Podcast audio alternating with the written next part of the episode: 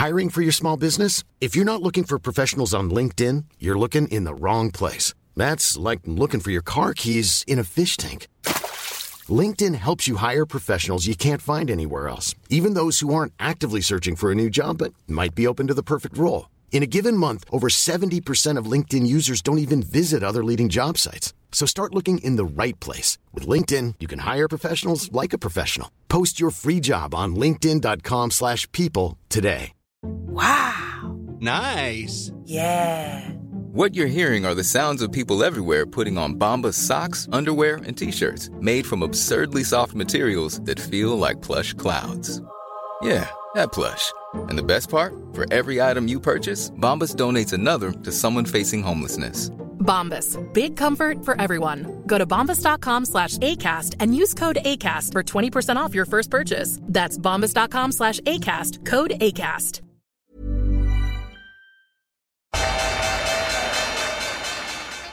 They mistook leverage for genius. Leverage for genius. I would recommend Japan. The governments don't rule the world. Goldman Sachs rules the world.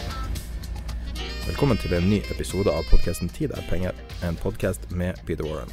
Jeg heter Sverre og er produsent, og i bakgrunnen av og til så hører du tappinga av vår maskot som heter Jesper, som er en hund. Eh, dagens episode skal handle om diverse temaer. Vi skal touche inn i eh, den store krisa som er mellom Huawei og, og uh, Vesten. Huawei. Kina og Vesten. Uh, vi er nordmenn, så jeg kaller det Huawei. Uh, vi skal snakke litt om Tesla, som kollapser litt. Litt om oljefondet som opprørte opprørt hasj. Det har vært EU-valg, det er store gjeldsbyrder i Italia. Bitcoin poppa, og det er spesielle rentesituasjon i Danmark. Litt diverse fond som går bra og dårlig. Og så har vi eh, worst case scenario for handelskrigen. Litt om noen trader du kan gjøre for å beskytte deg. Selvfølgelig skal vi snakke om bomringen, som åpner i slutten av denne uka i Oslo. Eh, litt om spørsmål fra Facebook-gruppa, og så har det vært eh, dramatikk eh, i forbindelse med det russiske oljemarkedet. Så da har du litt sånn overblikk over dagens episode. Eh, før vi starter, så skal vi presentere vår partner i podkasten, som er IG Markets. Eh, IG er en nettmegler for private investorer og tradere. Eh, de er spesielt tilrettelagt for folk som har kort handelsperspektiv, som, som gjerne går inn og ut av papirer ofte. Uh, I tillegg til naturligvis kan du handle norske aksjer, utenlandske aksjer, like lett long og short. Så er det også eh, stor tilgang på alt mulig av råvarer, valuta, statsobligasjoner og diverse. Så jeg, jeg husker aldri det tallet, men det er et sted mellom 5000 og 10 000 instrumenter. Så du, du kan eksponere deg som du vil. Og god tilgang på gearing også. Du har også en utrolig fin funksjon med eh, CFD-handel, som er at du kan aldri gå i minus pga. de nye reglene. Så du kan bare tape innsatsen, og det er ikke alltid tilfellet i finans. Jeg har hørt noen skrekkhistorier der folk har tapt eh, hus og, og, hus og Ja. hytte fordi at de prøvde å tjene 200 millioner med, nei, 2 millioner med 200 millioner som innsats. Ja, men du, altså, du vil jo gjøre det hvis du eh, altså Normalt sett hvis du får finansiering på aksjehandel eller hva, hva som helst. Men hvis så- du er privat trader på CFD, så kan du ikke tape mer enn null. Du kan aldri gå under null. Nei, jeg vet det, med de, Veldig nye, med de nye reglene. Eh, og eh, de har også nå åpna for handel med opsjoner. Da har de to nye opsjonsklasser. Vanlige opsjoner, de kaller vanilla-opsjoner, og barrier-opsjoner. Eh, I slutten av podkasten bruker vi ha en liten samtale med Erik Hansen fra IG Markets, og eh, eh, her et lite utdrag fra det opptaket vi gjorde tidligere i vår i Stockholm. Som er den europeiske tilsynsmyndigheten har gått in og regulert uh, bransjen litt. grann. Uh, og en sak de har gjort det er at uh, de har gjort så at det er umulig å havne på negativt balance for en ikke-professionell kund. og det er da IG som står for den risken. Eh, så at, og det er også litt högre eh, marginkrav nu än än vad det var tidigare. Så att man behöver stoppa in lite mer pengar. Men eh, det här med negativt eh, kontoskydd då, det ju... Da starter vi. Vi har kjøpt oss nytt opptaksutstyr. Kjørt litt tester før. Det var dessverre en liten feil forrige uke. Eh, så beklager for det. Det var litt som ble Peter hadde en eh, tirade mot et, et flyselskap som forsvant. Ble, ble du lei deg da? Du ble lei deg? Jeg hadde noe på hjertet der, ja. Men, uh, men, du kan si at uh, pulsen er vel noe lavere nå. Ja. Jeg tror du hadde innøvd noen lines. Jeg, jeg synes jeg hørte litt sånn hint til at det der var noen, uh, noen replikker du hadde tenkt på. Hør her. Du trenger ikke å innøve noen lines når, av, når, når du forsøker å bestille på flyselskapet Fuck it. Widerøes nettside. og hver gang du kommer til betaling, så sender den deg tilbake igjen til, til, til forsiden. Eneste forskjellen er at flybilletten din er blitt 300 kroner dyrere. Ja. Og dette skjer dette skjer da tre ganger i løpet av ett minutt. Og eneste Widerøe sier at ja, det er, det, det er, stor etterspørsel, til tross for at antall ledige seter ikke hadde forandret seg. Mm. Det sagt, så skal jeg si noe til for, fordel for Widerøe. Den ruten som var til Hovden, fra Oslo opp til Hovden, Ørsta-Volda og tilbake igjen, var stappfull. Mm. Og det til tross for at flybilletten der koster like mye som om du fløy Emirates til Singapore. Skal vi starte med å snakke om finans? Tid er penger, Peder. Uh, det har vært ei, en røff, la oss si tre uker, la oss si seks måneder for Tesla og aksjonærene. Ja, mildt sagt. Det har uh, la, la, oss bare ta utgangspunkt i 6. mai. Så tredje aksjen for rundt 250 dollar. Eh, hvis du tar snittkursen til privatinvestorer, så ligger den rundt 250 dollar. Vi har litt data på det. I dag handler eh, Tesla på 190 dollar. Ja. Så den er eh, blitt uh, mer enn desimert, som det heter. Og um, det er veldig mye strukturelle problemer. De har 22 milliarder dollar i gjeld og forpliktelser. 49 000 ansatte. De har Ryktet er at de har kutta ut det dyre dopapiret og har et billig dopapir nå, sånn ett lag. Det er den store overskrifta. um, det har vært veldig mye dramatikk rundt det. Um, det har vært uh, veldig stor aktivitet både i forhandelen og i opsjonsmarkedet. og det er nest, Jeg vil si at det nesten er frenetisk. Jeg, jeg, kan ikke huske at jeg har sett en aksje som er så, så sterke barrierer på begge sider. Det, er ingen som er nøytral til den.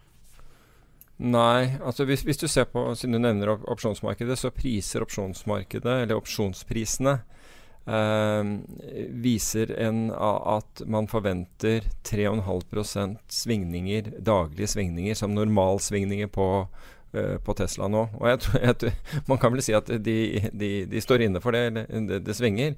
Men en av de andre tingene som jeg tenker på med Tesla, som jeg tror er, er mer betydningsfulle, det er at, um, at de institusjonelle investorene, selv de har altså de som var die hard Tesla-fans, Bailey Gifford og altså skotske uh, forvalteren, som er kjempesvær, um, og, og, og, har begynt Altså har, har redusert sine andeler betydelig. Mm. Og hvem er det som har kommet inn? Jo, det er private investorer, gjerne via Robin Hood, som har kommet inn på, på, som, som kjøpere. Og i, i, seg selv så er det tilbudet og etterspørsel. Det er greit nok. Men det vi vet, er at Tesla brenner fortsatt penger. De er, altså de er ikke cash-positive. Altså de har, de har uh, penger på bok, for de hentet vel inn bare et røftlig 2,9 milliarder dollar, tror jeg stemmer. Så de har penger på bok. Men problemet er at de brenner penger hver eneste dag. Og øh, altså retail, altså småsparere, er ikke de som Uh, som, som, åpner lommebøkene når, når et selskap plutselig trenger vesentlig mer penger. Hvis du skal nå hente inn nye Altså det er to ting. Hvis du nå skal hente inn f.eks. ytterligere uh, milliarder dollar du, du, trenger ikke i øyeblikket, men på et eller annet tidspunkt vil du gjøre det i hvert fall så lenge selskapet taper penger. Så er det to ting som kommer. For det første er at, er at småsparere er ikke de som kjapt stiller opp med, med, med, penger, slik at du får lukket en emisjon og, og får ro i selskapet. I tillegg så viser jo Teslas Er det er det 2025 eller 2023 den der obligasjonen for, for, uh, 2025. 2025, ja. Den har nå en yield på 9 Så, så det, det, vil jo Kan ikke du forklare litt? Vi diskuterte litt Det her er sånne ting man tar helt for gitt at folk vet. Så de har utsteda gjeld. De har tatt opp gjeld. Ja, så, så, så, Tesla nå, jeg, er, jeg lurer på Er det 5,2% den var den obligasjonen hadde 5,1 eller 5,2. 5,1 eller 5-2. Ok, så Tesla utsteder en obligasjon, altså Dvs. Si at de har en emisjon som plasseres da ute i markedet, og hvem som helst kan by. på denne, eller hvem, hvem, som helst kan være med. Og Hvis du kjøpte denne obligasjonen til par, og la oss si par er, det er helt sikkert eller temmelig sikkert 100, la oss si 100 dollar, så altså det er 100 dollar pålydende på, på obligasjonen, så fikk du da en Så er avkastningen 5,2% Jeg mener at det er 5,2% 5,2% årlig avkastning frem til 2025. Ok? Ålreit. Så når obligasjonen faller, og, og det gjør den pga. kredittfrykt altså uh, Og det, det, er interessant hvis jeg kan ta ett et, et, et, kjapp, kjapp sidespor her, og det var at Teslas obligasjoner falt, begynte å falle før aksjekursen falt. Mm. Så nok en gang har vi et tilfelle av at kredittmarkedet sier at her er det problemer, og senker kurs der, mens aksjeinvestorene, som er da mindre informerte ofte, de fortsetter å kjøpe. Men tilbake igjen til, eh, til Tesla.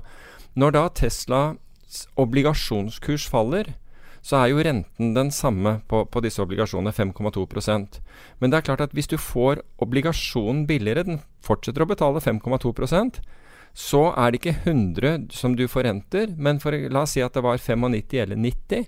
Så det betyr at yielden din til en investor som kjøper den på f.eks. 90, blir vesentlig høyere.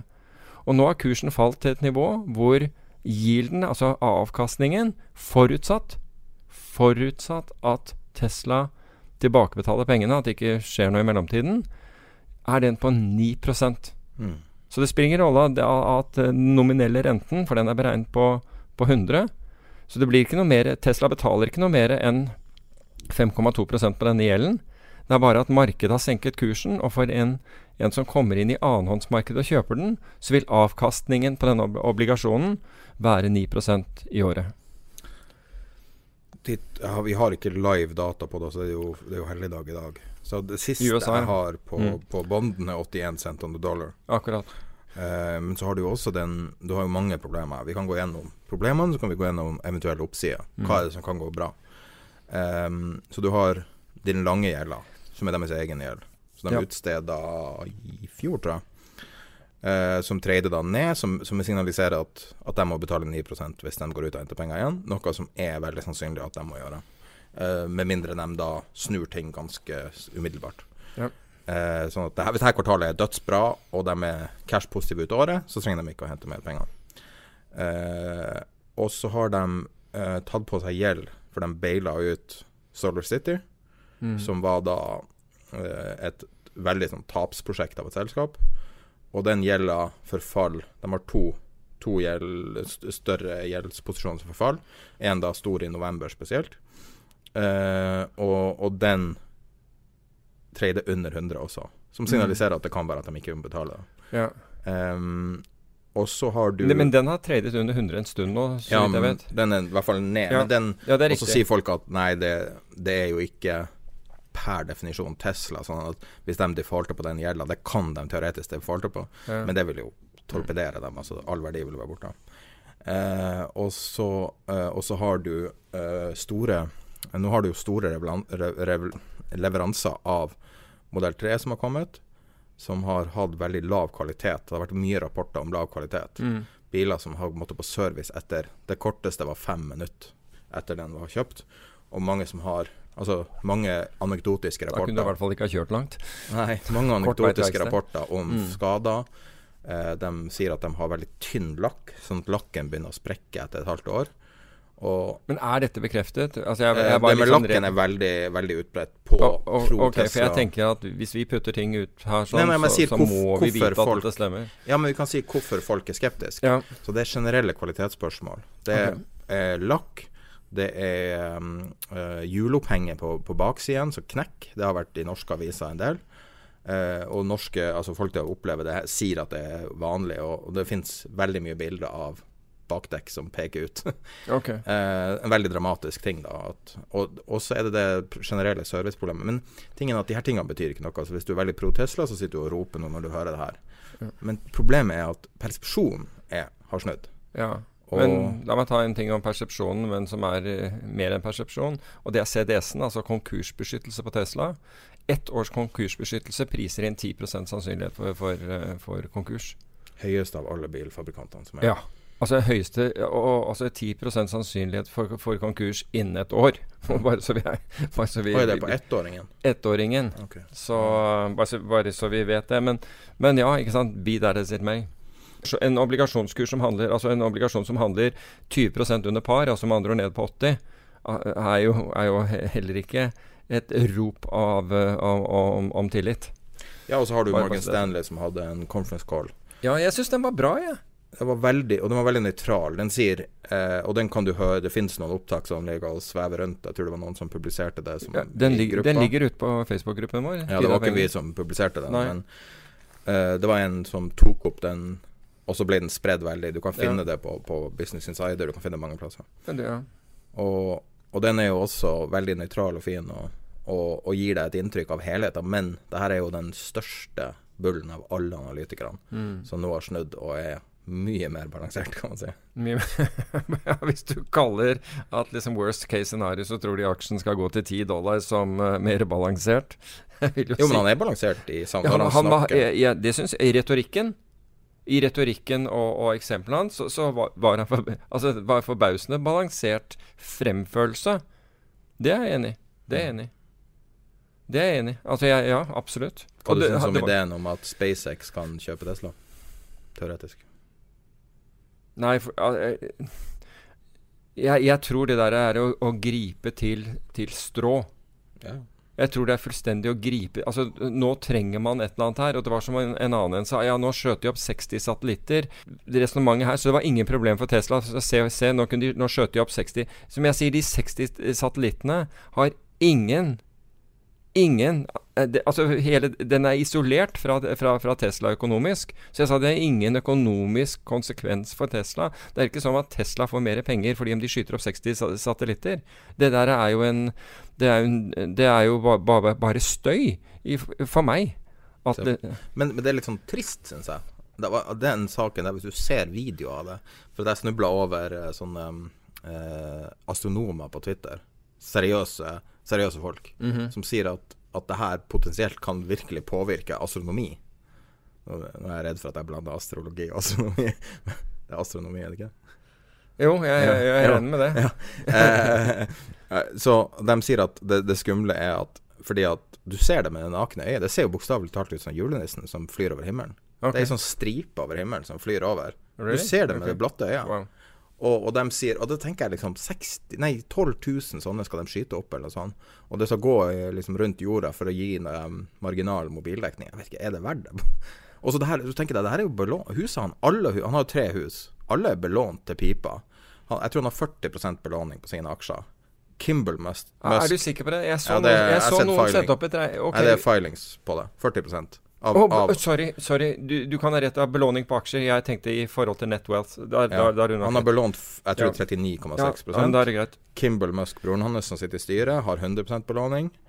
Og det, det, er jo masse innsidere som har solgt noe også, som også er et veldig dårlig tegn. Mm. Eh, og de hadde også veldig høy belåning. Eh, og belåninga er jo at du må stille margin hvis det kommer. Og, eh, så jeg snakka med en hedgefondforvalter eh, i, eh, eh, på vestkysten. Og han regnet, sa at ca. 60 dollar var det han trodde var. Og det tror jeg der er rundt margin call-nivå.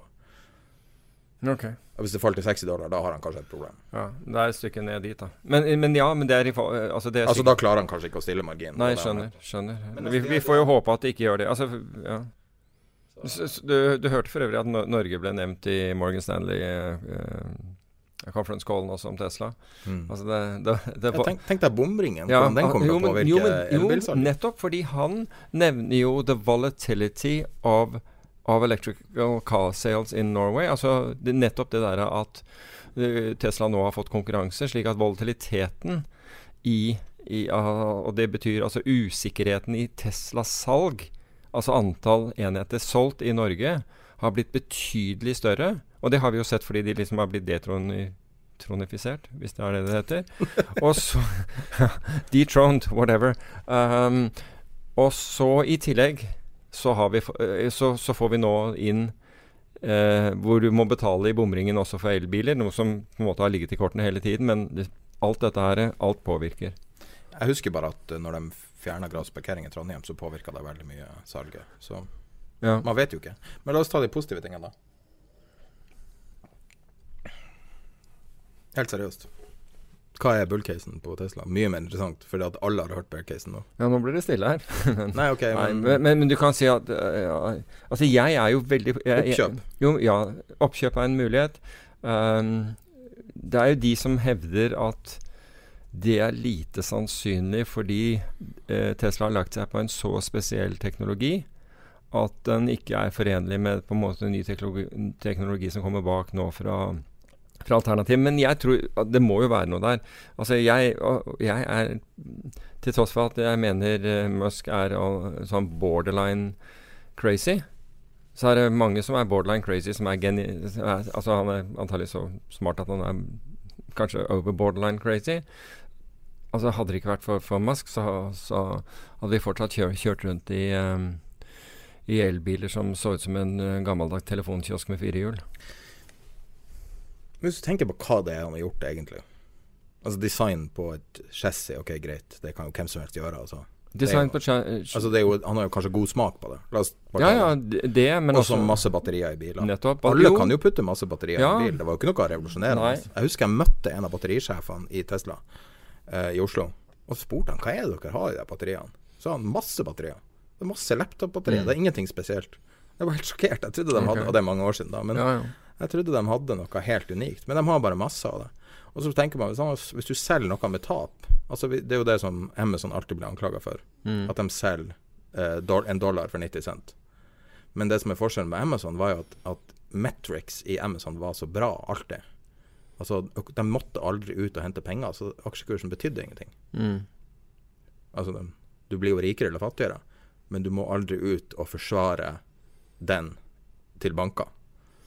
Nei, øh, nei. Og det er jo det som er problemet til ja. Tesla. Ja, ja, men nå skal vi prøve å ikke snakke om problemet deres. Men, øh, men, eh, men altså, greien er at det blir et tilbakevendende problem.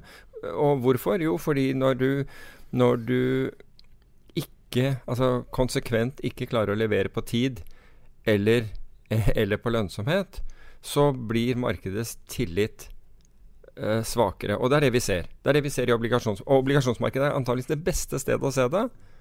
Eh, og de obligasjonskursene og, de, og, de, og, den og den yielden som, som, obli, som, eh, som obligasjoner på Tesla har. Og, og det er jo slik at hvis, hvis troverdigheten forsvinner, så forsvinner også risikoviljen til alt Mm. annet enn de mest gærne der ute. Men la oss ta en case, da. Softbank. Han, han hadde jo 100 milliarder dollar Mm. som han tjente på å investere i Alibaba i Mm. 19 nei, 99-2000.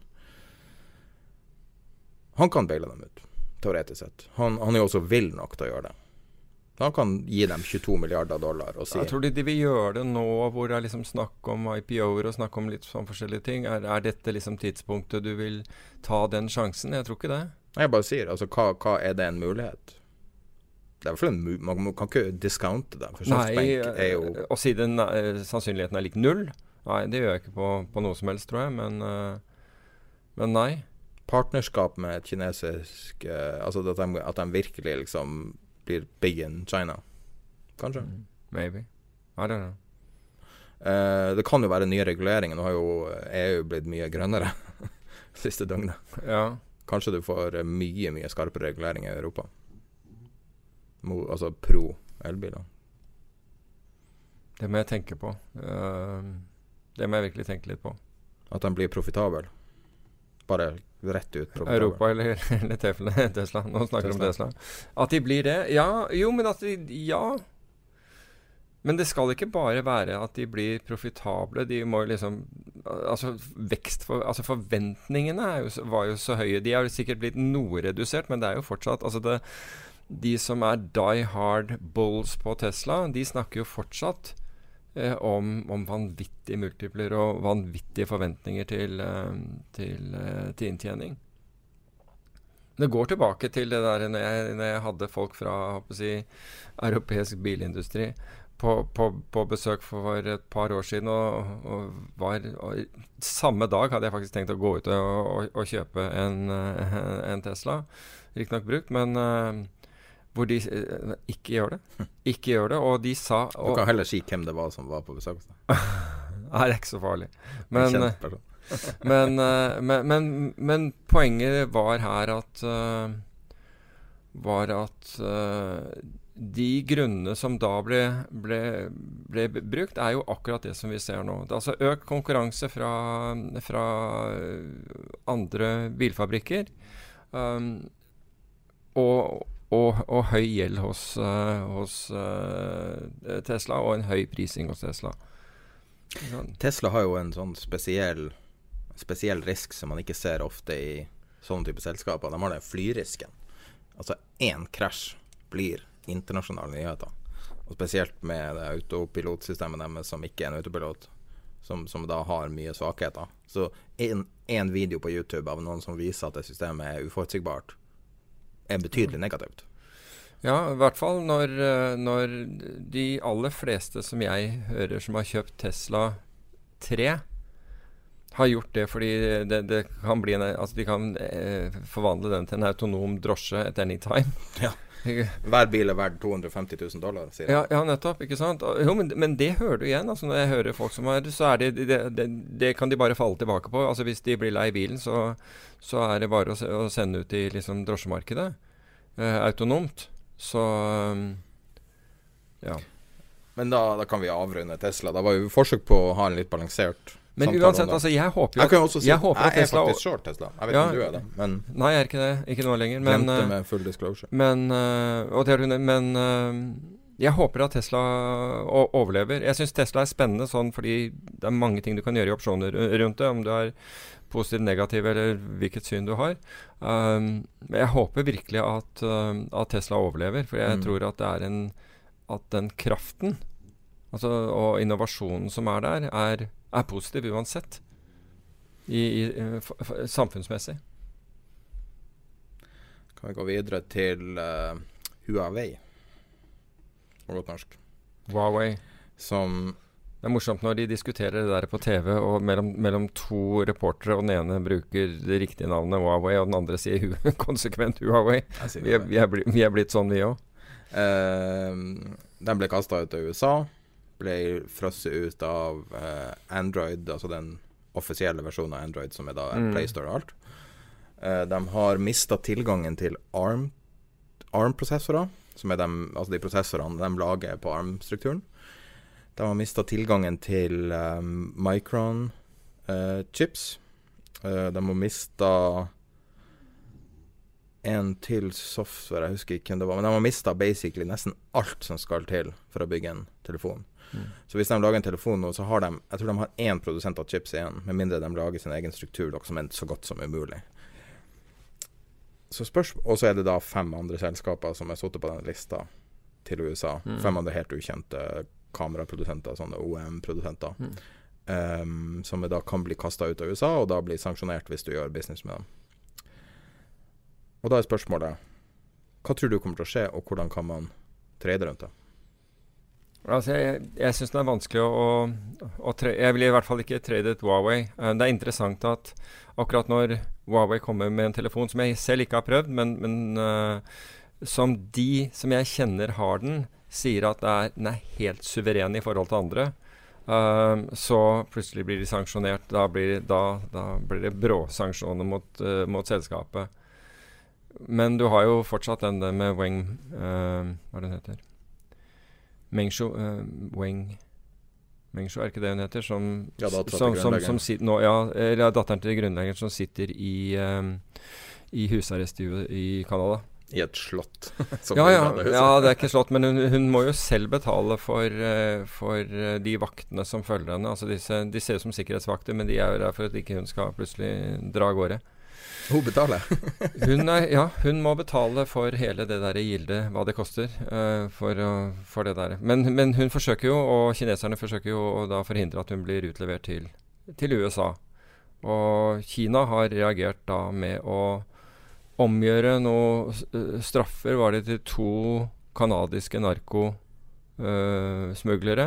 Som var, som var dømt til lange fengselsstraffer i Kina. De har nå fått dødsstraff. Det er ikke fullbyrdet, bare så det er sagt. Og så er det vel en annen som ble, ble, ble, dratt inn samtidig. Så kineserne gidder ikke å sitte rolig og se på, på at denne handelskrigen eskalerer til dette nivå. Men altså, hva gjør kineserne? Jeg tror, altså, jeg vet ikke helt altså, Du sier hva, hva, slags trade skal man gjøre på det? Jo, man må se på alternative muligheter. Kineserne slår jo tilbake igjen, slik jeg oppfatter det.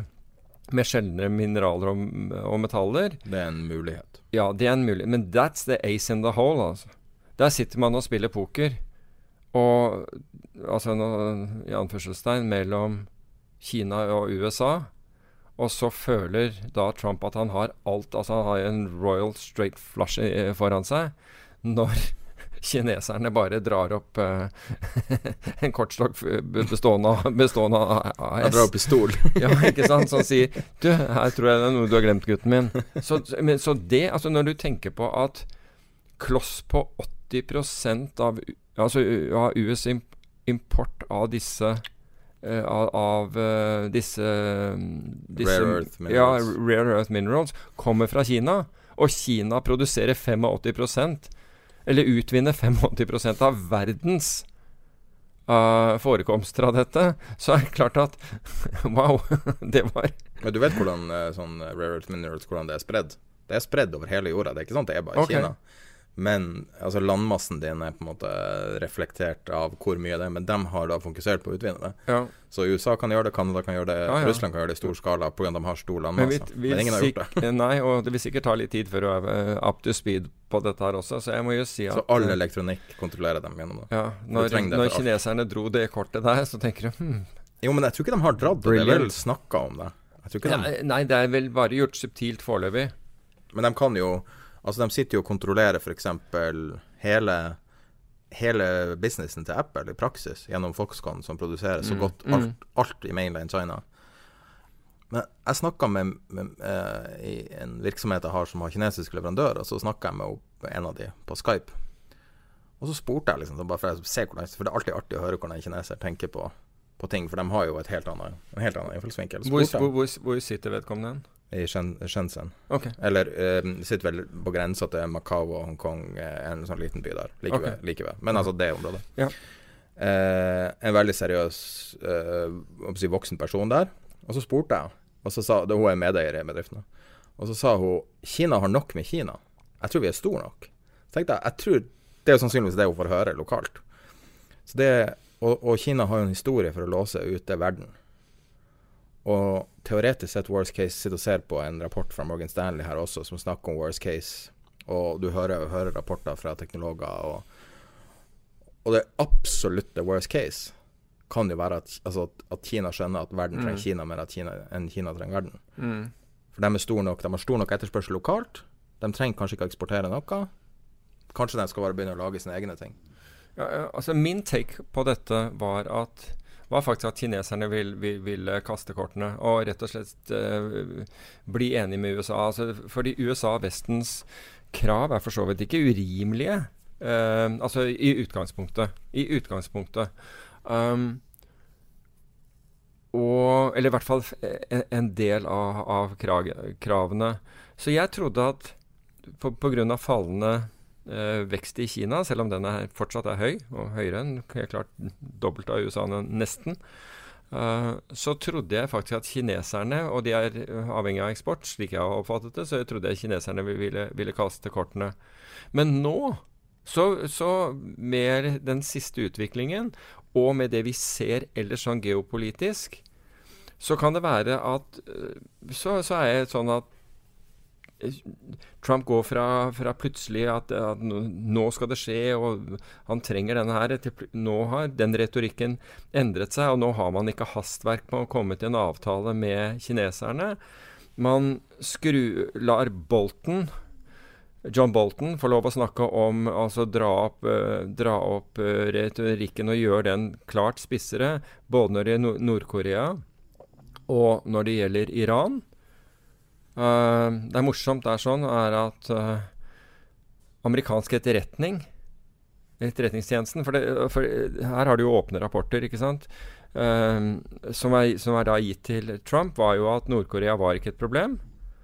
Eh, eller var, var ikke et annet problem på, Eller var et problem på, det, på den måten at Nord-Korea hadde, hadde disse våpnene, var mente var ustabilt, mens Iran ifølge, ifølge CIA fulgte eh, forbudet.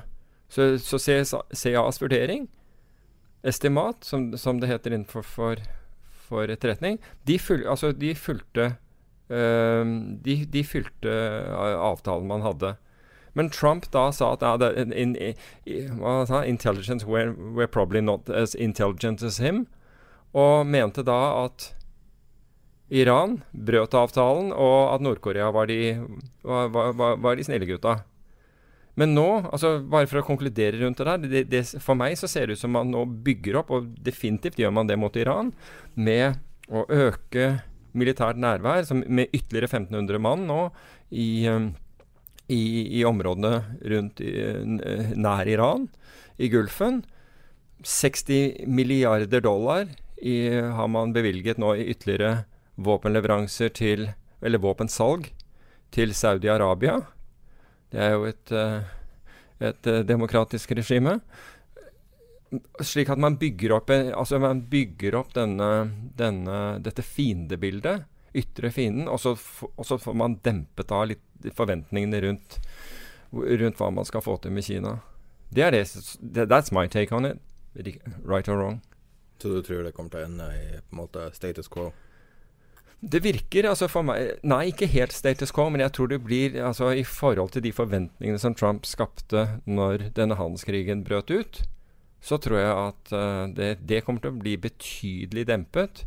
Uh, samtidig som du eskalerer det som skjer rundt jeg, altså jeg håper jo virkelig ikke at man Altså Retorikken rundt Iran begynner, å, begynner til forveksling og ligner retorikken uh, i forkant av hva man gjorde i Irak. Men jeg får jo så håpe at man har, at, at man har lært. Som trader, da, som investor, som boligeier, whatever, burde man ha ei forsikring, f.eks. For eie puts på Apple? Eh, hvordan er de prisene? Har du sett på det? Nei, jeg har ikke sett på det. Jeg kan godt, jeg kan godt ta og, og, kikke litt på det til, til neste gang. Men altså, hvorfor vil du velge Apple? Fordi på ah, ja, Apple sal, eh, til, til, USA? Nei, til, til, til, Kina. Apple, Interessant. Microsoft ja. Kanskje man skal gjøre noe der. Altså, du, hadde, altså, du kunne jo gjort til og med en, en kurv av disse her, men skal du gjøre en kurv av det, så må du til en bank eller en investeringsbank for å gjøre det. Og det blir litt, litt grann som eh, Vistin-traden uh, på IMO 2020. Jo, men tenk på å eie litt, litt jeg, jeg, altså, jeg jo, synes jo forsikring er billig uansett, og forsikring har vært billig og er, og er ikke så billig som den var. Men jeg syns jo fortsatt det, at det er smart. Jeg syns uh, markeder er dyre og forsikring er billig. Og, altså, når du får en sånn kombinasjon Det er jo det er som jeg sier, når uh, når eh, pyromanen herjer i nabolaget så, eh, og, ikke det blir, og du, du, ikke har forsikret huset ditt mot, mot brann, mm. og brannforsikringen er, er, er, er, kosten, Kostnaden på brannforsikring er uforandret, så er du passe dum hvis du ikke går og forsikrer deg. Så jeg syns litt forsikring er helt greit å ha. Da sover du godt om natten, behøver ikke å koste deg all verden. Hva som skjer i Danmark? Skal vi kanskje bytte tema nå? Nå har vi har vi kjørt en halvtime på Tesla og, uh, ja, ja. Danmark, Tesla og Kina. Så. Danmark er jo interessant, for der er jo Altså, Danmark er vel Jeg lurer på om Danmark faktisk er verdens største land når det gjelder covered bonds, altså boliglån. Nå. Det er 490 milliarder dollar det, det markedet er i, i boliglån i Danmark. Og det som har skjedd i det siste, er jo at, er jo, er jo at rentekurven, altså boliglån Eh, fra, altså fra 0 til 5 år ut i tid har negativ rente. Men det betyr ikke, bare så det er sagt Altså, bare la forklare boliglån. Altså boliglån uh, I Danmark så, det, så, har du boliglånsobligasjoner.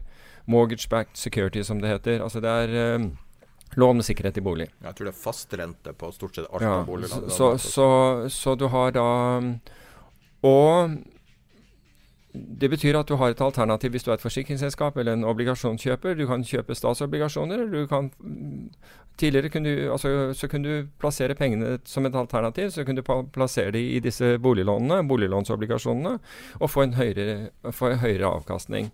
Så det var et godt alternativ, og et, og, og et velsikret alternativ til, til statsobligasjoner og andre renter. Så det er et veldig utviklet marked i Danmark. Det som nå har skjedd, er jo som sagt at, at, at de har falt til negativ rente. Og det betyr at hvis du kjøper disse obligasjonene fra null til fem år ut i tid, altså femårsobligasjon, så får du negativ rente. Du betaler for å sitte, på, å sitte med disse Du obligasjonene. får betalt for å sitte med Uh, nei, den Oi, du betaler sorry. ja, for å sitte med obligasjonene. Riktig. Du- riktig. Du, du betaler faktisk for, for å gjøre det. Så Eh, Jeg kan si tallene, jeg har dem foran meg her. Okay, kom igjen. Ett kom igjen. år eh, så har du Minus. minus 0,23. Mm. Tre år minus 0,24. Og fire år 0,04. Enda kanskje mer spektakulært er at rentekurven til Danmark, altså statsrenta, Ja. fram til ti år er negativ. Ja. Ti år. ja, ja. Det er noen land med, med negative Har det noe med peggen til euro å gjøre? Nei, det har altså, nei, nei, egentlig Eller det, det det har med å gjøre, er, fort, er at sentralbankene fortsatt stimulerer økonomi og, driver, og, og presser ned da renten for å få oss til å ta mer risiko. For å få små, sparerne til å ta, ta mer risiko. Og da er aksjemarkedet liksom omtrent det eneste alternativet som, som gis. Så det, det, er- dette er en måte å tvinge folk til å ta risiko med pengene og kjøpe aksjer. Og jeg kan love deg, når dette en dag går ordentlig åt skogen, fordi dette er ikke bare Danmark som gjør, dette er mange andre land som gjør, så kommer ikke myndighetene som har vedtatt å gjøre dette her, til å ta ansvaret. Antageligvis de som da De som øh, vedtok dette i første omgang, de er for lengst ute av, eh, av eh, regjering. Og, og de sentralbanksjefene som syns dette var en god idé, har gått av. Så det blir som en del andre politiske avgjørelser. Det er noen andre som må rydde opp. For en eller annen dag så går dette gærent, fordi vi har alt er konsentrert inn i aksjemarkeder.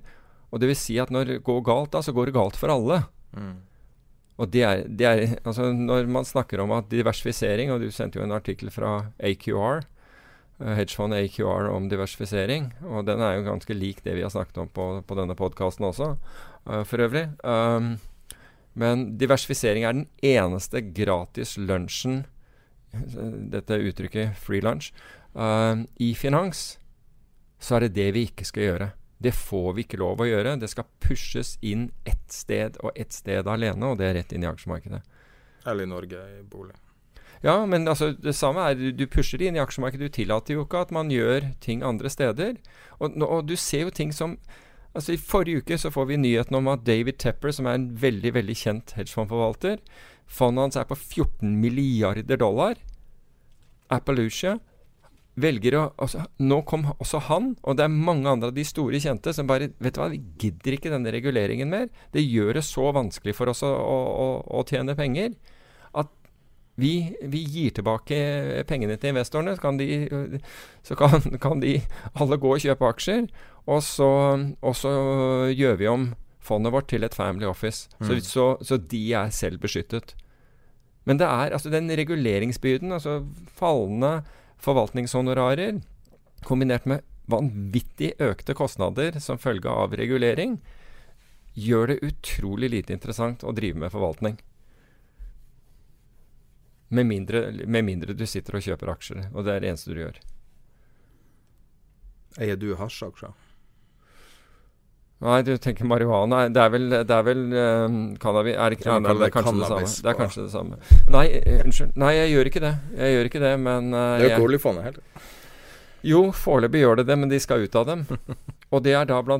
Eh, Norsk, eh, Norsk Narkotikapolitis Forening og andre som da har protestert mot at man investerer i, i disse cannabisaksjene. Og hvor er det disse cannabisaksjene har kommet fra? Jo, de er, kommet, de er i, i land hvor, hvor man bruker da medisinsk eh, vesen, altså Det fins noe recreational også. I USA så er det jo stater hvor du kan gå og røyke og Eller i hvert fall drive med dette til, til eget forbruk.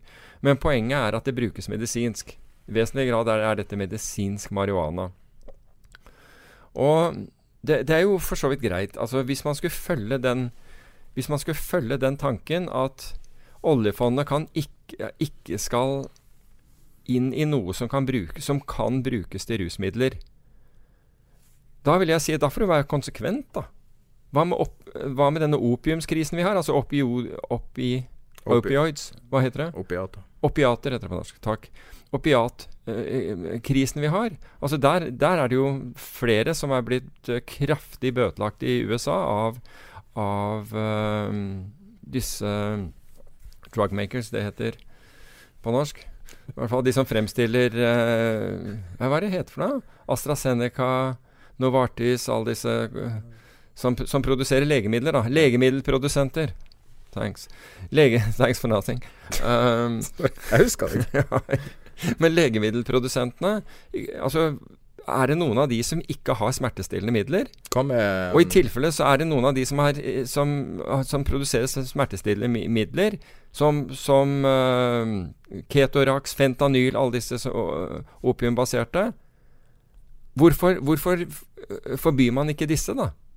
Altså det, det, er, det, er, inkonsekvent. Og hvis det er sånn at en eller annen forening skal bare få den der ideen For jeg, jeg går ut fra jeg, går ut fra at, at uh, Norsk Narkotikapolitis Forening ikke mener at bedøvelse heretter skal, skal bestå at vi skamslår stakkaren før vi begynner å skjære inn.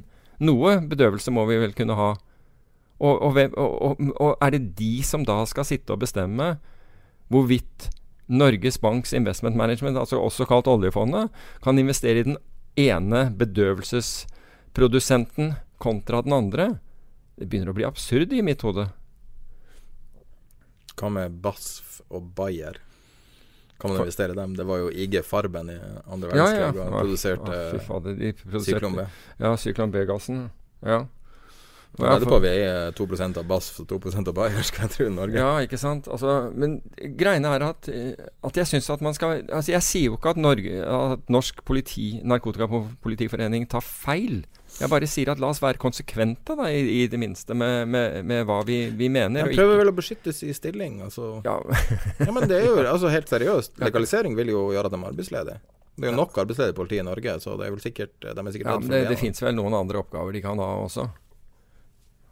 Nabo, Vokte bomringen. For, for, det, for den kommer vi, kom, vi, avslutter med bomringen, tror jeg. Ja, men, ja, det står på lista. Ja, men, men, men var ikke du som påsto at alle Nei, du må ikke si det, for når folk begynner å gjøre det Jeg skrev i gruppa at uh, at de her kablene til de her bomringene er eksponert. Nei, du sa Nei, det du skrev. ja, ja, og det betyr at kanskje at sånne hagesakser, lange hagesakser Lang, kommer til å bli utsolgt. Langskaftede hage, hagesakser er, er, allerede utsolgt. Ja, men jeg vil, ikke, jeg vil, ikke, ha det on record, for hvis det, folk begynner å klippe de her kablene, så er det mitt problem. det er ikke det. Jeg husker Top Gear hadde et sånt innslag der de sa hvordan man absolutt på ingen måte måtte behandle sånne fotobokser. Og det, okay. Du måtte på ingen måte ta sånn her, sånn her eh, byggeskum som utvider seg, og så måtte du ikke ta og stikke den inn i det hullet på sida og spraye. det måtte du for guds skyld ikke gjøre. det her er et TV-program med 350 millioner seere. Så eh, Nei da, men eh, jeg tror Altså, ja, vi, vi, avslutter med bomringen, for det er liksom det minst viktige, kanskje. Eh, EU-valget, fulgte du med på det i går? Ja, men, altså, jeg, men jeg så jo at dette, det, dette ja, jeg gjorde det. Eh, du kunne jo ikke la være å gjøre det, for det var jo på alle nyhetssendinger. Um, men hvor vil du med det? Grønn revolusjon. Du får jo forflytning bort fra sentrum, da. Mer ja, noe det, nytt. Men, samt, ja, men samtidig så, så styrket du vel eh, partiene som, uh, som uh, vil ha EU intakt. Uh, svekket noen av de andre. Men ja, Ok. Bitcoin steg plutselig når resultatet ble kjent. 3-4-5% Ja, er det kausalitet, eller er det bare tilfeldighet? Jeg er det ikke steg akkurat på det tidspunktet. Ok. Hvis, i, I så fall så vil jeg si at bitcoin virker. Da virker det som en diversifisering. Det, nå er det jo de som har hevdet at bitcoin virker nå som en storage of value. Det har ikke jeg noe formening om det gjør eller ikke. Men det er de som hevder at, at, bitcoin nå beviser seg som en storage av value, med andre ord et, et, i anførselstegn noenlunde sikkert sted å ha pengene. Altså, det mener man om, om, om uh, kraftig svingende aksjer også det, uh, til tider. Og det er jo et faktum at bitcoin er den, den uh, aktiva klassen, om du kan kalle kryptoen eller en aktiva klasse, som har steget mest i år. Det er der den høyeste avkastningen var. Tror altså Noen opererer med 185% andre har jeg sett se i 140% men det er vesentlig over 100% at, vi, at bitcoin har steget uansett. Det kommer antageligvis an på hvilken, hvilken, eh, hvilket utgangspunkt du hadde, men uh, men, du, du, men, det som er Det jeg føler er bra med det, det er at du har ikke det består ikke nå av, av en hel haug av gærne spekulanter som uttaler seg i hytt og dyne om, om hvor fe- fenomenalt dette er, altså krypto er, eller som ikke har peiling på krypto, men bare kjøper det. Nå er det jo faktisk institusjonelle som har drevet og kjøpt det. Um, og også noen fond som ligger og, og, og kjøper dette. Og banker snakker om å Facebook skal lage en sånn ja, og banker snakker om å bruke kryptovalutaer, og JP Morgan Bank om det. Ja, JP, Bank of England var vel den aller første. Var vel Haldane der som, som var den første som var positiv til det. Andy Haldane. Men um, Så jeg må jo si at uh, Og det syns jeg er bra, selv om, selv om den uh, oppgangen er så kraftig. Så, så er det i hvert fall noe mer hold i, i på en måte kjøperne av bitcoin i denne runden her, enn det vi så når det der fløy berserk for, uh, for snart to år siden. Mm. Så sånn sett så syns jeg at, uh, at det er positivt. Eh, Hvor skummelt er Nå begynner man å se på italiensk gjeld igjen. Og jeg så, jeg så noe forfallstall Mm. i dag. Jeg skal se om jeg finner fram til dem igjen. Uh, Italia har én trillion, altså en, det er på norsk da, én billion, 1000 milliarder dollar i forfall før 2024. Uh, og bare i år forfaller 95 milliarder dollar, neste år 177, så 217. Så klarer Italia der. Ja, hvis, hvis de får lov å trykke penger, altså EU kan, kan Altså, ti års statsobligasjon i Italia altså, er, ligger nå på 2, altså har en avkastning, altså en, en yield, på 2,57 um, Det vil si at altså, Italia låner da um, Altså 1 dyrere. Altså det er et land som er forgjelda herfra til månen. Um, og, og, og, og har mye svakere øk økonomi enn f.eks. Norge, da, som, som da låner til Altså det var ti års norsk statsobligasjon, og nå kommer noen til å, å kommentere på Facebook-gruppen at ja, men det er norske kronerenter og ikke, ikke eurorenter. Ja, jeg tar den, men altså norske kroner Altså unhedged, da, så får du Hva, hva får du på ti års norske stat? 1,6 og så låner Italia til bare 1% mer. Og ja, jeg vet også at dollarrenten er høyere, men altså Den ligger Ja, jeg vet, jeg, jeg, jeg vet at dette kommer. Jeg vet at dette kommer, og jeg, skjønner, jeg, skjønner at det er litt grann epler og pærer, men USA låner til to Hva for noe? 2,32? litt over to, ja. Det er helt meningsløst. Og hadde det ikke vært for EU, så hadde jo aldri Italia øhm, lånt så billig. Og så kan du si at det, Heldigvis så uh, grekerne betaler mer. Betaler iallfall bortimot en ja, underkant av en prosent mer, tror jeg. Men uh, men, du, men så kan du argumentere med at det var, det var poenget med EU også. Men jeg tror ikke tyskerne mener at det er poenget med EU var at de skulle betale for mesteparten av gildet, og det er det de gjør. Så go figure. Go figure. Men EU er, er styrket etter, etter valget. Altså EU som Ja, altså de, de høyreekstreme fikk jo ikke så mye makt som de håpte på ut fra det, men Bortsett fra i, i Frankrike og Italia gjorde de vel det. ja, hva- eh, jeg, det, Folk begynner å snakke om eh, eh, eh, Hva er det Prime Minister Farage? Ja, men, men i Frankrike ja, men jeg mener Europa, Europa. For at de hadde jo koordinert i forkant. Så Mm. man frykta jo at de kunne kuppe EU. Det var vel en teoretisk sjanse for det. Mm, ok. Er vi snart på bomringen nå? Snart. Vi avslutter med bomringen. Jeg følte at Vi later som vi kan radio, vi teaser. ja. Nei, Nei, men jeg ikke, følte at ikke bomringen ennå. Nei, sitt, sitt. Du fyrer der. Jeg kjenner det. Du hører det rasle i kjettingen. Snakke litt finans først. Hva var den rapporten det Morgan Stanley hadde snakka om opsjoner? Nei, det var de puttopsjoner i forrige uke som var Ja, det var vel torsdag i forrige uke hvor det var etterspørsel etter uh, out of the money, altså put-opsjoner. Altså put-opsjoner som har eh, innløsningskurs under dagens kurs. Og de så da den største etterspørselen etter det som man hadde sett på siden 2010, hvor de begynte å måle dette. Og det var, det var tre og et halvt standarder vi gikk opp. Altså, så, det var, eh, så plutselig kom det massiv etterspørsel etter nedside... Forrige uke? I forrige uke, ja. I, Hva det var etter, som skjedde i forrige uke? Nei, det var ikke mye som skjedde i forrige uke, etter min oppfatning. Men, etter, Men da må det jo være nok, noe, altså. Ne, ja, men du hadde, jo, hadde jo noen dager hvor liksom det, det dro ned i løpet av Og så kom det seg mot slutten. Det hadde du. Eh, Både på SMP og Nasdaq. Og, det, det, og dette gjaldt amerikanske, amerikanske indekser. Du hadde jo en dag ned i forrige uke på, på Oslo Børs med 2 Vi har ikke sett mange av dem på, på en god stund. Ja, men det må jo være handelskrig som folk beskytter seg for. Kan Altså, godt, ja. Et eller annet, eller, eller eh, retorikken mot Iran, eller, eller når eh, så Du så jo Nord-Korea dra av noen som ikke var, ikke var langdistanse og ikke, ikke langdistanseraketter. Og det fikk jo Bolten til å, å si at eh, Nord-Korea hadde tvert til å ha hadde brutt avtalen med USA. Og vi har det gående.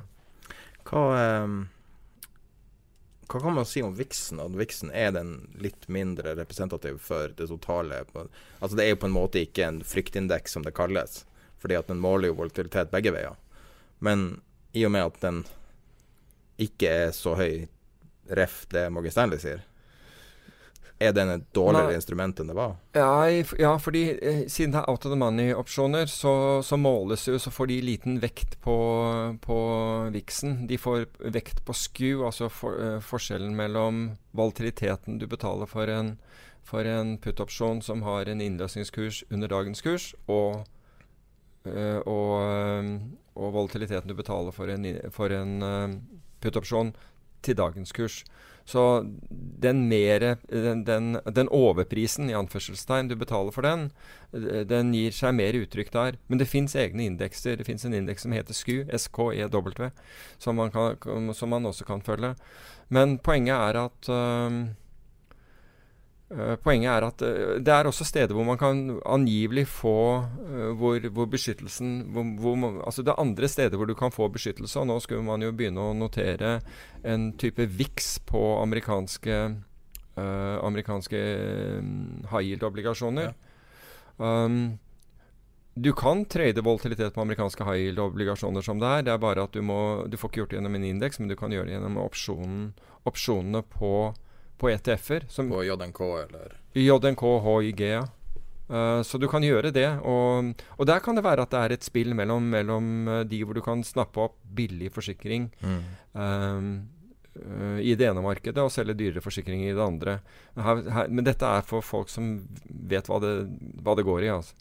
Var det CDX-indeksen det het det der på i finanskrisa? Ja.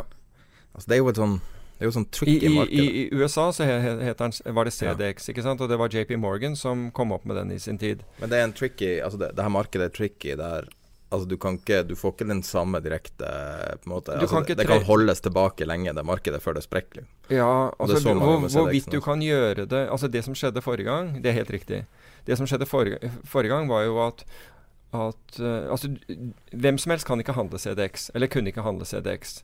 Fordi du måtte ha ISTA-avtaler for å kunne gjøre det. ikke sant? Så vi hadde ISTA-avtaler slik at vi kunne handle CDX, CDS, crossover, altså den europeiske CDX-en som heter X-over, X-O-V-E-R.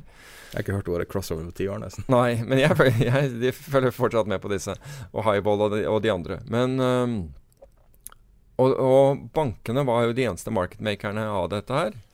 Og det, og det som skjedde, var jo at bankene manipulerte markedet. For bankene var short volatilitet, så de lot deg ikke Altså, de holdt det markedet nede. De, de endret ikke annet enn salgskursen sin, kjøpskursen sin. Altså, de Og det, de vanvittig markedsmanipulasjon.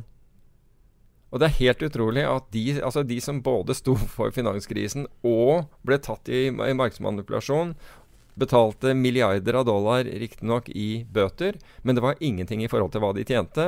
Og, og samtlige som drev med dette her, er toppsjefer i banker i dag. Det er det, det, er, det er litt av et marked. Så, så ja. Det er utrolig story. Det er rett og slett en utrolig story. Hvem skulle trodd at det var mulig? Uh, før vi starta podkasten, så drev vi og eksperimenterte med det man kaller uh, proximity-effekten på radiospråket. Som er jo nærmere man snakker mikrofonen, jo mer intens blir det. Ja.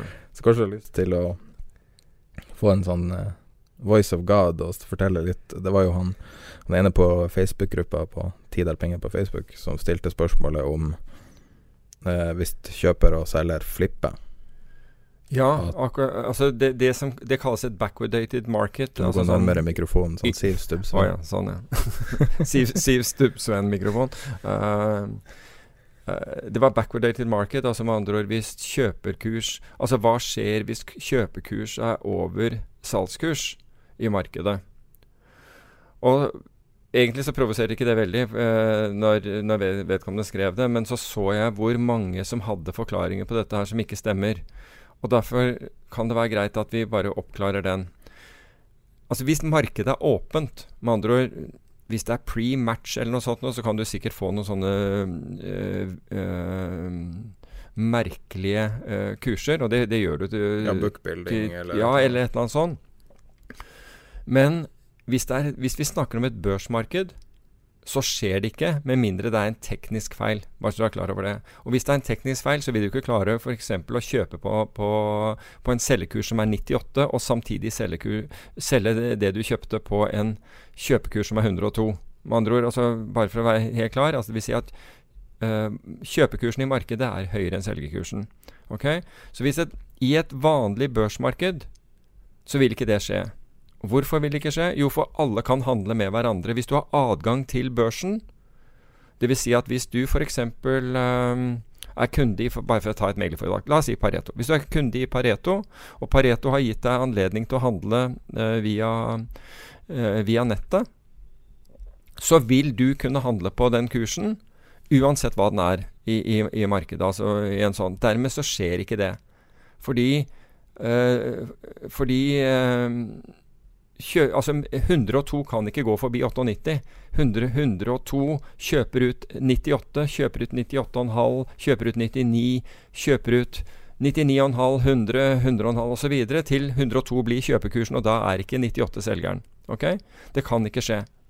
Hvis du f.eks. For forsøkte å legge inn en ordre, la oss si at du hadde, rett, eh, hadde en kredittlinje, bare for å si det, du hadde penger på konto med Pareto siden vi nevner dem, på 5 millioner kroner og forsøkte å kjøpe for 6 millioner kroner, så ville systemet til Pareto stoppe deg fra å gjøre det. Du ville bare rett og slett få beskjed om at du har ikke nok eh, penger på konto til å utføre denne handelen, så du kommer aldri ut i markedet. Okay.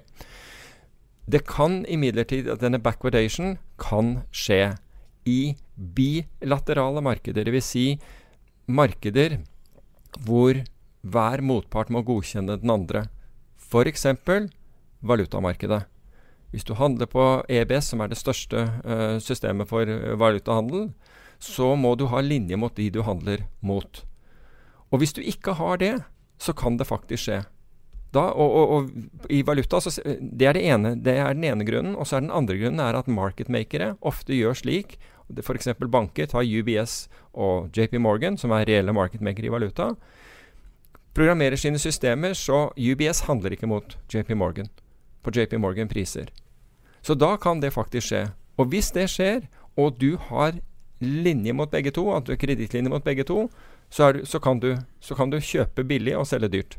Ja, Så, i, så i, i, sånne tilfeller så kan du faktisk gjøre det. Men i dag så er high frequency tradere der ute, og de snapper det derre. Ja. Og hvis en av bankene har gjort en feil, så blir banken så jævla sur på, de, eh, på de som handler på det, at de nekter å handle med dem igjen. Så det er blitt en litt sånn korrektiv rundt, rundt det der. For det var en periode hvor high frequency tradere, fordi de var lynkjappe, tok alt. Alle sånn. Så hvis du, du gjorde en feil, da så, så, så, så, fikk du juling med en gang. Altså, da kom noen og, og, og, tok de pengene. Men nå er Så det skjer ikke i regulerte, vanlige børsmarkeder. Der får du ikke en backwardation. Kun i bilaterale markeder. Da har vi lagt den ballen død. Ja. Litt forelesning, det er bra, det. Ja. Voksenopplæring. Før uh, du skal få lov å bare fyre løs på bompenger jeg skal ikke fyre så mye på det, men allikevel. Hva var det visste Nei, vi, vi, snakket om dette med alfa og den ja. rapporten ja, til um, Ja, det stemmer. Eh, I forrige episode så måtte vi klippe bort noe. Det var tre ting, eh, deriblant eh, fly, flyhistorien. og eh, vi måtte også klippe bort um, en si, oppjassing av en ny rapport som kom der, som skulle publiseres, som var knytta til alfagenerering.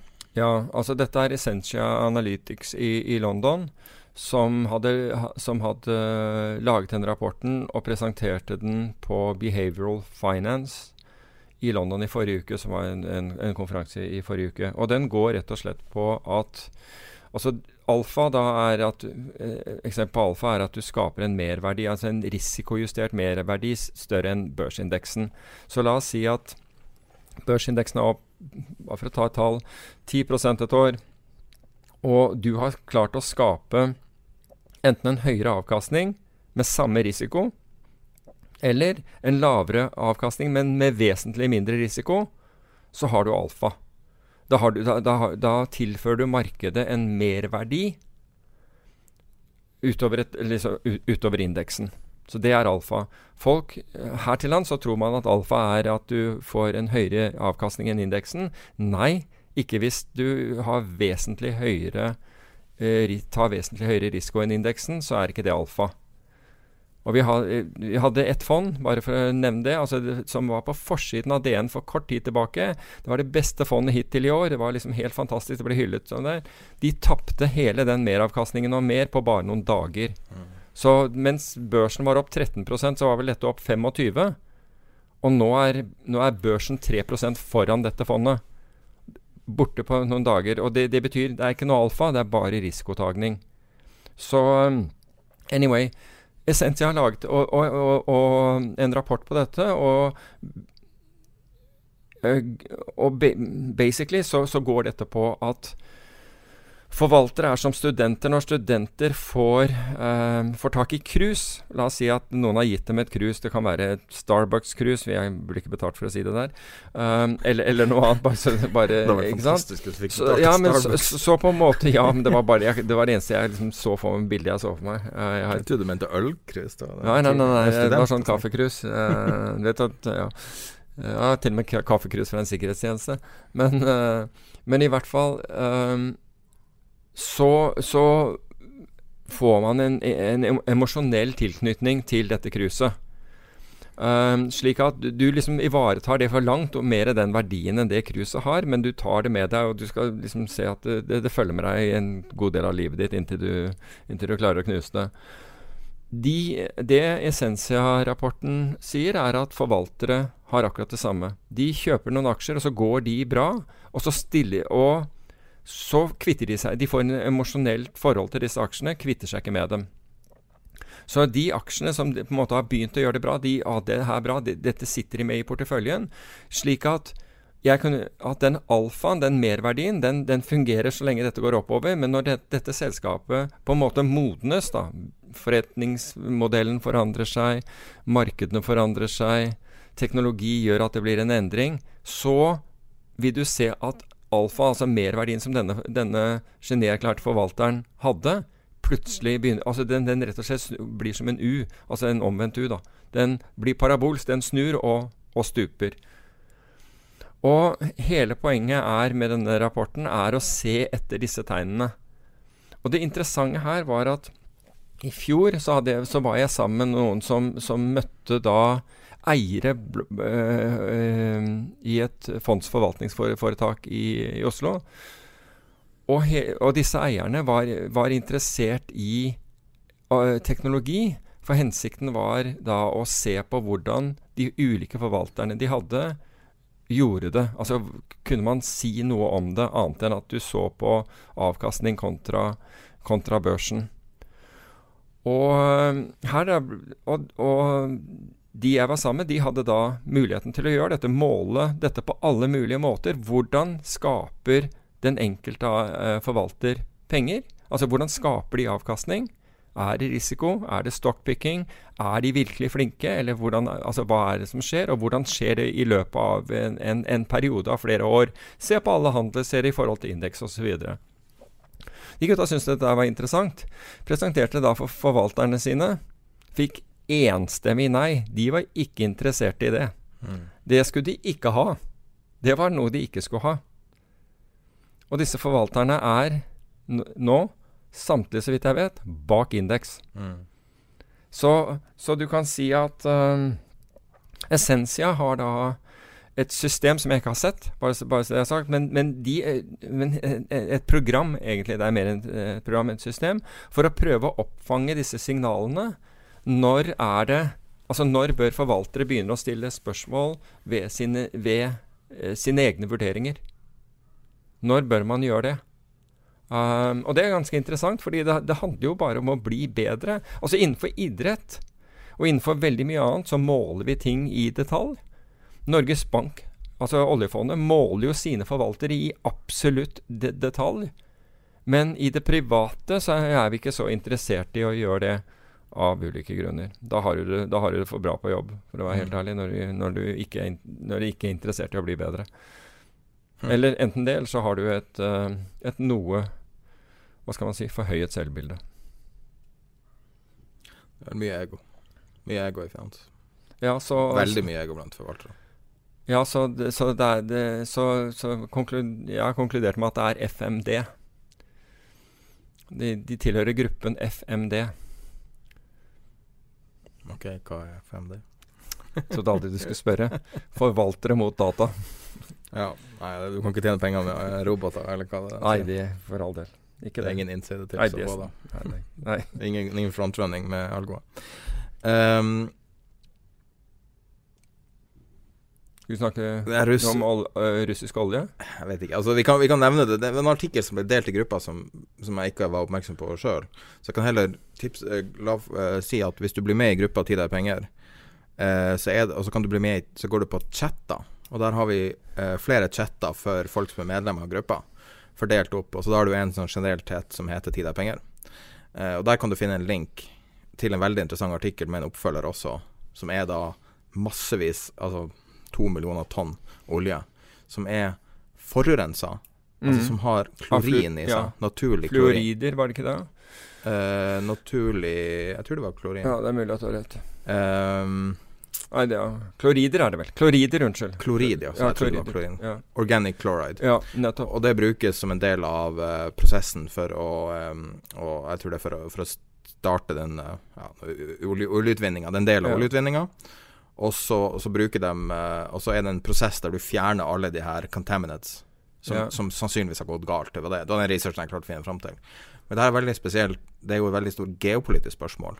Fordi at ukrainere Eller var det polakker? Nå var det vel eh, Polakker eh, Ukrai eh, Tyskere, ukrainere, ungarere, slovek Altså, ingen vil ta imot oljen Nei, ikke, på ikke med det. raffineriene. Fordi at det ødelegger raffineriene. Ja, helt riktig. Fordi det, det skader raffineriene. Og hvis du kan masse Eh, olje, så ja. beklager jeg hvis vi tar masse feil her nå, men det er sånn nei, nei, nei, nei, nei. det, Det har det, dette, dette skal, være, skal være riktig. Men altså, når jeg så den, altså, så, så tenkte du det her må jo få en stor betydning for, for olje. Men det har egentlig ikke hatt det. Altså, altså hvis du ser på, på Du vil jo f.eks. da tro at, eh, at brentolje vil, eh, ville stige kraftig eller et eller annet sånt, eller som følge av dette her, fordi det vil være mindre aktuell annen olje på markedet. Men brentoljens eh, forhold til f.eks. i amerikansk olje, lettolje, den er omtrent det samme. Brentolje handler litt over 10 dollar høyere i pris, har ikke forandret seg voldsomt. Og forward-kurven av, av olje, den, den Altså, du kan det rare er at alle snakker om, om Alle er positive, alle tror oljeprisen skal stige. Men du kan kjøpe olje for eh, Altså annet enn veldig kort levering, så kan du kjøpe olje for levering i, i slutten av, eh, av eh, neste år, i slutten av 21, i slutten av 22. Stadig billigere, ikke sant. Det er ca. 10% rabatt mellom oljeprisen i dag og oljeprisen og olje for levering i, i slutten av 2022. Så Jeg påpekte den saken før vi starta episoden, fordi grunn pga. geopolitiske, ikke pga. oljemarkedet. Mm. At uh, hver gang noen begynner å, å tulle med Russland sin økonomi, så er det alltid ubehagelig. Ja. Og altså, de ungdommer i Polen er jo i skogen og øver på invasjon. Altså, det er jo en sånn, sånn greie i Polen at de er helt skråsikre på at Russland kommer til å vandre en dag over grensa, som de har gjort flere ganger før. Så det bare føles som en sånn ubehagelig ting. For det er sannsynligvis en teknisk feil som er gjort. Og Russland bare kommer durende på. Med to millioner tonn olje. Ja. Og det er jo Altså, det her er jo Altså, det er jo sikkert veldig vanskelig Men de får ikke loss, er, det ikke, er det ikke skip som ikke blir losset pga. dette? her da? Jo, det jeg tror sånn. det. 700 000 fat eller et eller annet sånt? Som ikke, Nei, to millioner fat. To- eller, ja, ja, nei, men jeg, Nå snakker jeg ett tonn, skip. Nå, nå snakker jeg om et skip, ja. Ja, det er jo, eh, det er jo mye, da. ja. Så, det er litt penger. Ja, ingen Nei, det bare, det bare ingen, føles ingen signifikant. Det bare føles signifikant. Kan ikke så mye om det her markedet. Kan være at det her er vanligere enn det høres ut som, men Og siden det her er en Altså, først så Den originale Bloomberg-saken forklarte ikke hvor det her kom fra. Jeg tror ikke den journalisten visste det. Mm. Så jeg jobba litt research på det. Det er jo en del av prosessen, så det er jo ikke noe rart at det havner i oljen. Mm.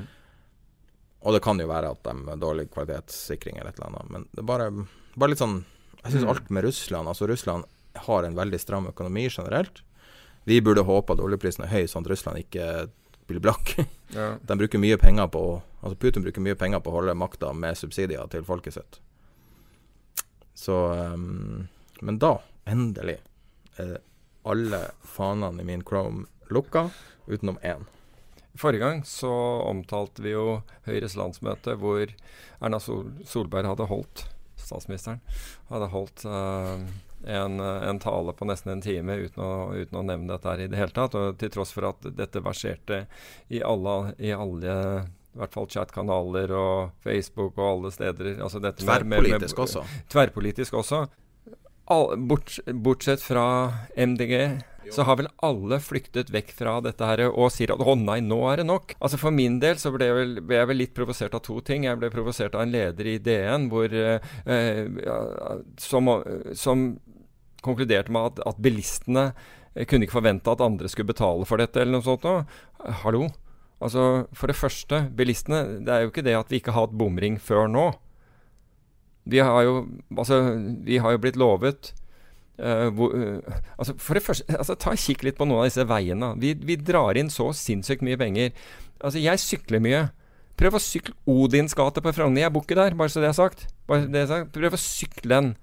Altså, beltebiler må, må repareres hvis de kjører den der veien der. Det er brostein med asfaltflekker oppå.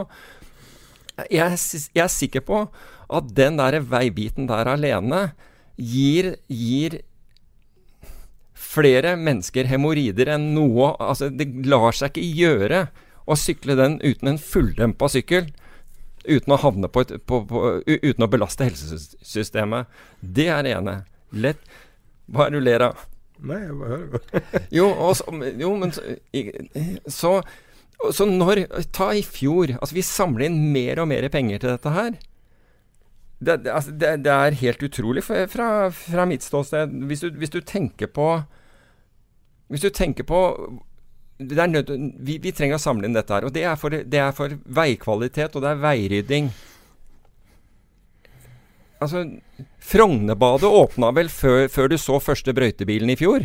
Jeg blir også provosert av hun Lan Berg som sa, da da står og, og Som da besøker eh, årsmøtet, eller hva de kaller det, til eh, MDG. Og, og står og danser på scenen. og Jeg elsker, elsker bom, bomringen. Nå tror jeg kanskje den der dans, eh, dansingen var, var et eh, var, Jeg mistenker i hvert fall at det var et utslag av noe, noe liberal alkoholservering under lunsjen. Og kanskje ikke det, men allikevel Altså, jeg bare ser på en Forleden dag så kjørte jeg, eller hver uke flere ganger, kjører jeg min datter til trening. Det er, det er fem kilometer, og så kan man si ja, hvorfor sykler hun ikke? Hun sykler ikke fordi, fordi det er faktisk Da må hun sykle noen av hovedårene, og det er, litt, det er ikke bra for en 13-åring. Det er det ene. Og du kan bare sykle en del av, av, av året, og i mørketiden er det helt uaktuelt. Mm. Det tar ti minutter å kjøre en dit. Og, og kjøre dit og tilbake. Jeg må gjennom åtte bomringer. Åtte bomringer. Jeg, kan nesten ikke tro det. Åtte stykker. Jo. Jeg, men jeg fant ut nå, hvis jeg kjørte ekstremt mye lenger, så kunne jeg unngå Da kunne jeg unngå to. Var, det var mulig, for jeg tenkte er det mulig? For det var sånn der du Ved slutten av en vei var det en bomring. Idet du tok inn i neste vei, så var det jaggu en ny en. Så jeg må gjennom åtte Jeg, passerer, jeg har åtte bompasseringer. Og så sier man ja, men det, det slipper du inn, inn, eh, innen en time. Ja, Men innen en time, det er vel ikke noe, det er ikke noe aktivitet for barn som er innen en time. Det skjønner jo alle. Det er ikke, det er ikke mulig, det. Så det, det, det, er, det er lov å Jo. Og når jeg da ser Jonas Gahr Støre har funnet løsninga. Å, fint. Og den er At alle skal GPS-overvåkes til enhver tid. Ja. Han sa nei, nei, legg ned alle bomringene. Bare putt en GPS-brikke i alle bilene. Jonas Gahr Orwell Støre. Er det han vi Det er snakker jo om? helt, helt sinnssyk idé. Tenk hvis, du blir, tenk hvis den der databasen blir hacka. Så- Sorry at jeg avbryter, men du må Nei, men- flytte deg litt lenger bak hvis du skal rante. Fordi jeg sitter bare og ser på den her uh, lydoversikten, og du, du sitter og Nå begynner det å nå uh, blåser den opp i det det, røde. det var det jeg visste der før vi starta. Men, men, men du kan si at Og når du da ser hva cruiseskip og andre, andre fartøy som kommer ville inn fjorden her uh, bruker sånn som 250 000, t- eh, 1000 liter diesel om dagen, ikke sant, og, og brenner av noe sinnssykt med NOx i forhold til bilparken fikk, er når, du først begynner, du, så, så Mens, klarer mens du leter, så kan jeg komme med et forslag. Ja, la Et enkelt forslag for å fikse For å få mye større reduksjon av forurensning enn du klarer å gjøre med bomring. Fjern taxfree, og bare gjør det billigere med alkohol som du kjøper alkohol i Norge. Bare fjern taxfree. Helt. Av, av, avvikle taxfree-ordninga i Norge. Får vi bedre luft i Oslo da? 40% av all alkohol i Norge Å, sånn, ja. er fra taxfree. Okay. Folk drar til Danmark med de forferdelige fergene. Det er tre-fire ferger som går Har vi til Danmark hver dag. Her Ja, har vi ferge igjen. Mest forurensende som finnes. Let me get on a roll with, Jo, jo, with men with hvis du fjerner taxfree, så går Color Line konkurs på dagen. Altså Det er ingen grunn til å ta Color Line eller DFDS eller eh, det andre. Du kan helt ta svømmeknappen, er det det du mener? Nei, men altså, folk drar jo ikke til Danmark. De drar jo fram og tilbake og sitter på båten og drikker. Okay. Og så kjøper sprit, og så drar hjem. Kjøper sprit og røyk. Så hvis du bare fjerner taxfree-en, så er det ingen grunn til å ta Color Line. Og den reduksjonen der må nå være større enn Så, så en vesentlig marginal del av utslippet til uh, Color Line er folk som sitter og røyker? Du har aldri, det, du Du har du har aldri tatt danskebåten. Du er altfor Porsche. Color Line går ikke til Danmark, den går til Kiel. Det visste jeg. Color Line går jo til Danmark også. Ikke fra Oslo. Jo. Nei, Det er fra DFDS og Gjør ikke det. Jeg har nå tatt Color Line til, til Danmark. Jøss. Til København, jo. Den går til København. Reagerte du Du har aldri tatt danskebåten. Du, reagerte du, reagerte du noe på at alle snakket tysk i, i det Danmarket du var i, eller? Det burde du ha gjort. Herregud. Det burde du ha gjort. Men så, så i dag, så for folk som irriterer seg at man går off topic, så i dag flytter vi off topic til slutten. Ja. Så nå kan alle bare slå Ok, av. men la meg høre her. Ok, til Danmark. Hvor vil du reise? Til Danmark. Ja, fra Oslo, Ok, Color fra Line. Larvik. Ah, fra Larvik, du. Yes, yes, yes. Så når du, så, så, så, når du, så når du gikk i land etter, etter, etter å ha røykt opp eh, 60 sigaretter og, og, og, og drukket den baren tom, så reagerte du ikke på at alle snakket tysk? Du tror det var i Danmark, du. Yes. Det og DFDS er tatt der. Der, der ser du. Der ser du. Ikke sant? Det, er- det er sånn derre Det er en liten sånn reality check. Du er så forbanna at du rister. Du, du, du dro ikke den der 'det er deilig å være norsk i, i Danmark' det du gikk i land, gjorde du det? det den vil jo være helt Men, perfekt. eh, Men hør her, da. Et sånt der cruiseskip. CO2-utslippet er tilsvarende 84 000 biler. Ok? NOx-utslippet 420 000 biler. Nye dieselbiler har så lite Slipper ut partikler motsvarende 1 million biler. Så jeg, jeg, Er det danskebåten? Nei, det er, det er et cruiseskip. Ja. Det er, ja, det er et cruiseskip. Altså, det, det, I rest my man- case. Ja, hvis men man hvis det er, ja, ja, men hvis det er miljø, så, så ta Fly, nå da. Fly. Ja, ja, for Fjern taxfree, reduser dritflyene. Reduser konke Norwegian, konke Ryanair Eller konke ikke Ryanair, men de forlater Norge fordi folk, en stor prosentandel av folk som tar Ryanair, gjør det pga. taxfree. Ja, de gjør det i hvert fall ikke pga. komforten Nei. Og ambiance ved å sitte om bord her. Men altså, det her er Altså, man har nådd skattegrensa i Norge. Ja. Plutselig nådde Men man nå det. snur de som har De som er arkitektene bak dette her. Ja. De nå fullstendig skyver dette fra seg. Jøss, se hva som har skjedd. Nei, det er Fremskrittspartiet. De har riktignok sittet ved makten, og god damn er det blitt mer, mer bomavgifter. Det, det skal de ha. Vet du hva, jeg stemmer på hvem som helst som ja, jeg- kan jeg- forandre Bare, bare normalisere ting litt. Ja. Gjør som i Sverige. Sett det i Grunnloven. I, i, i Sverige så, må du, så er det i Grunnloven uh, ikke lov av bomring. Det er to bomringer i hele Sverige, tror jeg. Mm, Really? Yes. Jeg tror det er én i Danmark Nei, én i, Göteborg og en i Stockholm. Og det er sånn 20, 10 og 20 kroner. Og de klarer å brøyte veier òg, i tillegg. Beste veinettet i hele verden. Be beste veinettet i hele verden. Da skjønner du at vi gjør noe gærent her, altså. Nei, det Men nå må, må elbilene betale bomringen, i hvert fall. Det er godt de er litt over. Jeg vet at du nettopp har kjøpt elbil, så beklager. Men jeg, men jeg sykler Kan jeg sykle, så sykler jeg. Og så kommer e- elektriske sparkesyklene til å bli ulovlig, sikkert også, bare sånn for sikkerhets skyld. Dem elsker jeg. Ja, men de, nei, det, det blir jo skattlagt, vet du. Er du gæren. Der er PC-en min tom for batteri. Og beklager at vi Hvis vi hadde noen blowouts på slutten der som høres dårlig ut på opptaket, så var det vi bare Det var forrige gang så Peter sine tirader ble ikke med. Men da tror jeg vi har brukt opp energien hans. Og hinner og vi eh, tar og hører på um, det komplette samtalen med Erik Hansen fra IG Markets, som vi hørte utdrag fra i stad. Så ses vi neste gang, og håper kvaliteten er bra. Beklager hvis den ikke er det. Det er jo kommet en del nye regler og det er kommet en del nye beskyttelser. Så du er jo mye, du er mye tryggere når du handler med CFD-er nå eh, enn du har vært før. Og en av de tingene som er eh, er at man, det er umulig å tape penger du ikke har satt inn på kontoen. Mm. Som er det eh, dere kaller på det svenske kontoret som er negativt skydd. Altså du er beskytta for, for, å gå inn minus. Kan du fortelle litt mer om det? Ja, precis. Uh, man kan si at CFDs er jo en produkt som er veldig lik uh, futures. Uh, traditionellt så var det ju oftast att de professionella aktörerna handlar, handlar futures, det handlar med en margin uh, och både då på futures och CFDs så finns det då en möjlighet att man hamnar på negativt uh, balance.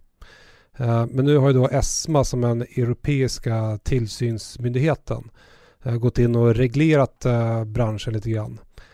Och en sak de har gjort det är att de har gjort så att det er umulig å havne på negativt balance for en ikke-professionell kund. Og det er da IG som står for den risken. Uh, så att, och det er også litt høyere uh, marginkrav nu enn hva det var tidligere. Så man bør stoppe in litt mer penger. Men uh, det her med negativt kontoskydd det er jo jättebra for, for kunderna å ha det som en trygghet. Att man kan aldri förlora mer än insatt kapital. Alltså, Men det er teknisk umulig att ta, det går ikke an? Nei, det, det, det, går ikke å, å tappa mer insatt kapital om du er en ikke-professionell kund, vilket de de fleste kunder er. Man kan ansøke om å bli professionell kund uh, og da har man litt mer valfri muligheter. Uh, man kan ligge på minus. Det finnes, det finns de som vil kunne ligge på minus. Uh, for at de vil da ikke bli utstoppade på margin call i onödan. Och de kanske också ville ha lite högre leverage, professionella kunder. Men för en icke-professionell kund som är då majoriteten eh, är det väldigt eh, tryggt att just ha den här negativt eh, balance-skyddet eh, och veta att de aldrig kommer tappa mer än insatt kapital. Hva er kraven for å bli en profesjonell kund? For för att bli eh, professionell kund så är det, det är tre olika villkor eh, och man måste då uppfylla två av de här tre villkoren. Eh, det første er at man skal ha likvida medel. Eh, det kan være aktier eller fonder eh, eller cash på minst 500 000 euro. Vilkår två er at man har jobbat i branschen, i finansbranschen og vært i kontakt med, med leverage products. Og sen har vi villkor tre. Det er at man har handlat eh, med CFDs aktivt eh, senaste året. Så om man uppfyller två av de här villkoren då så kan man ansöka om att bli professionell kund.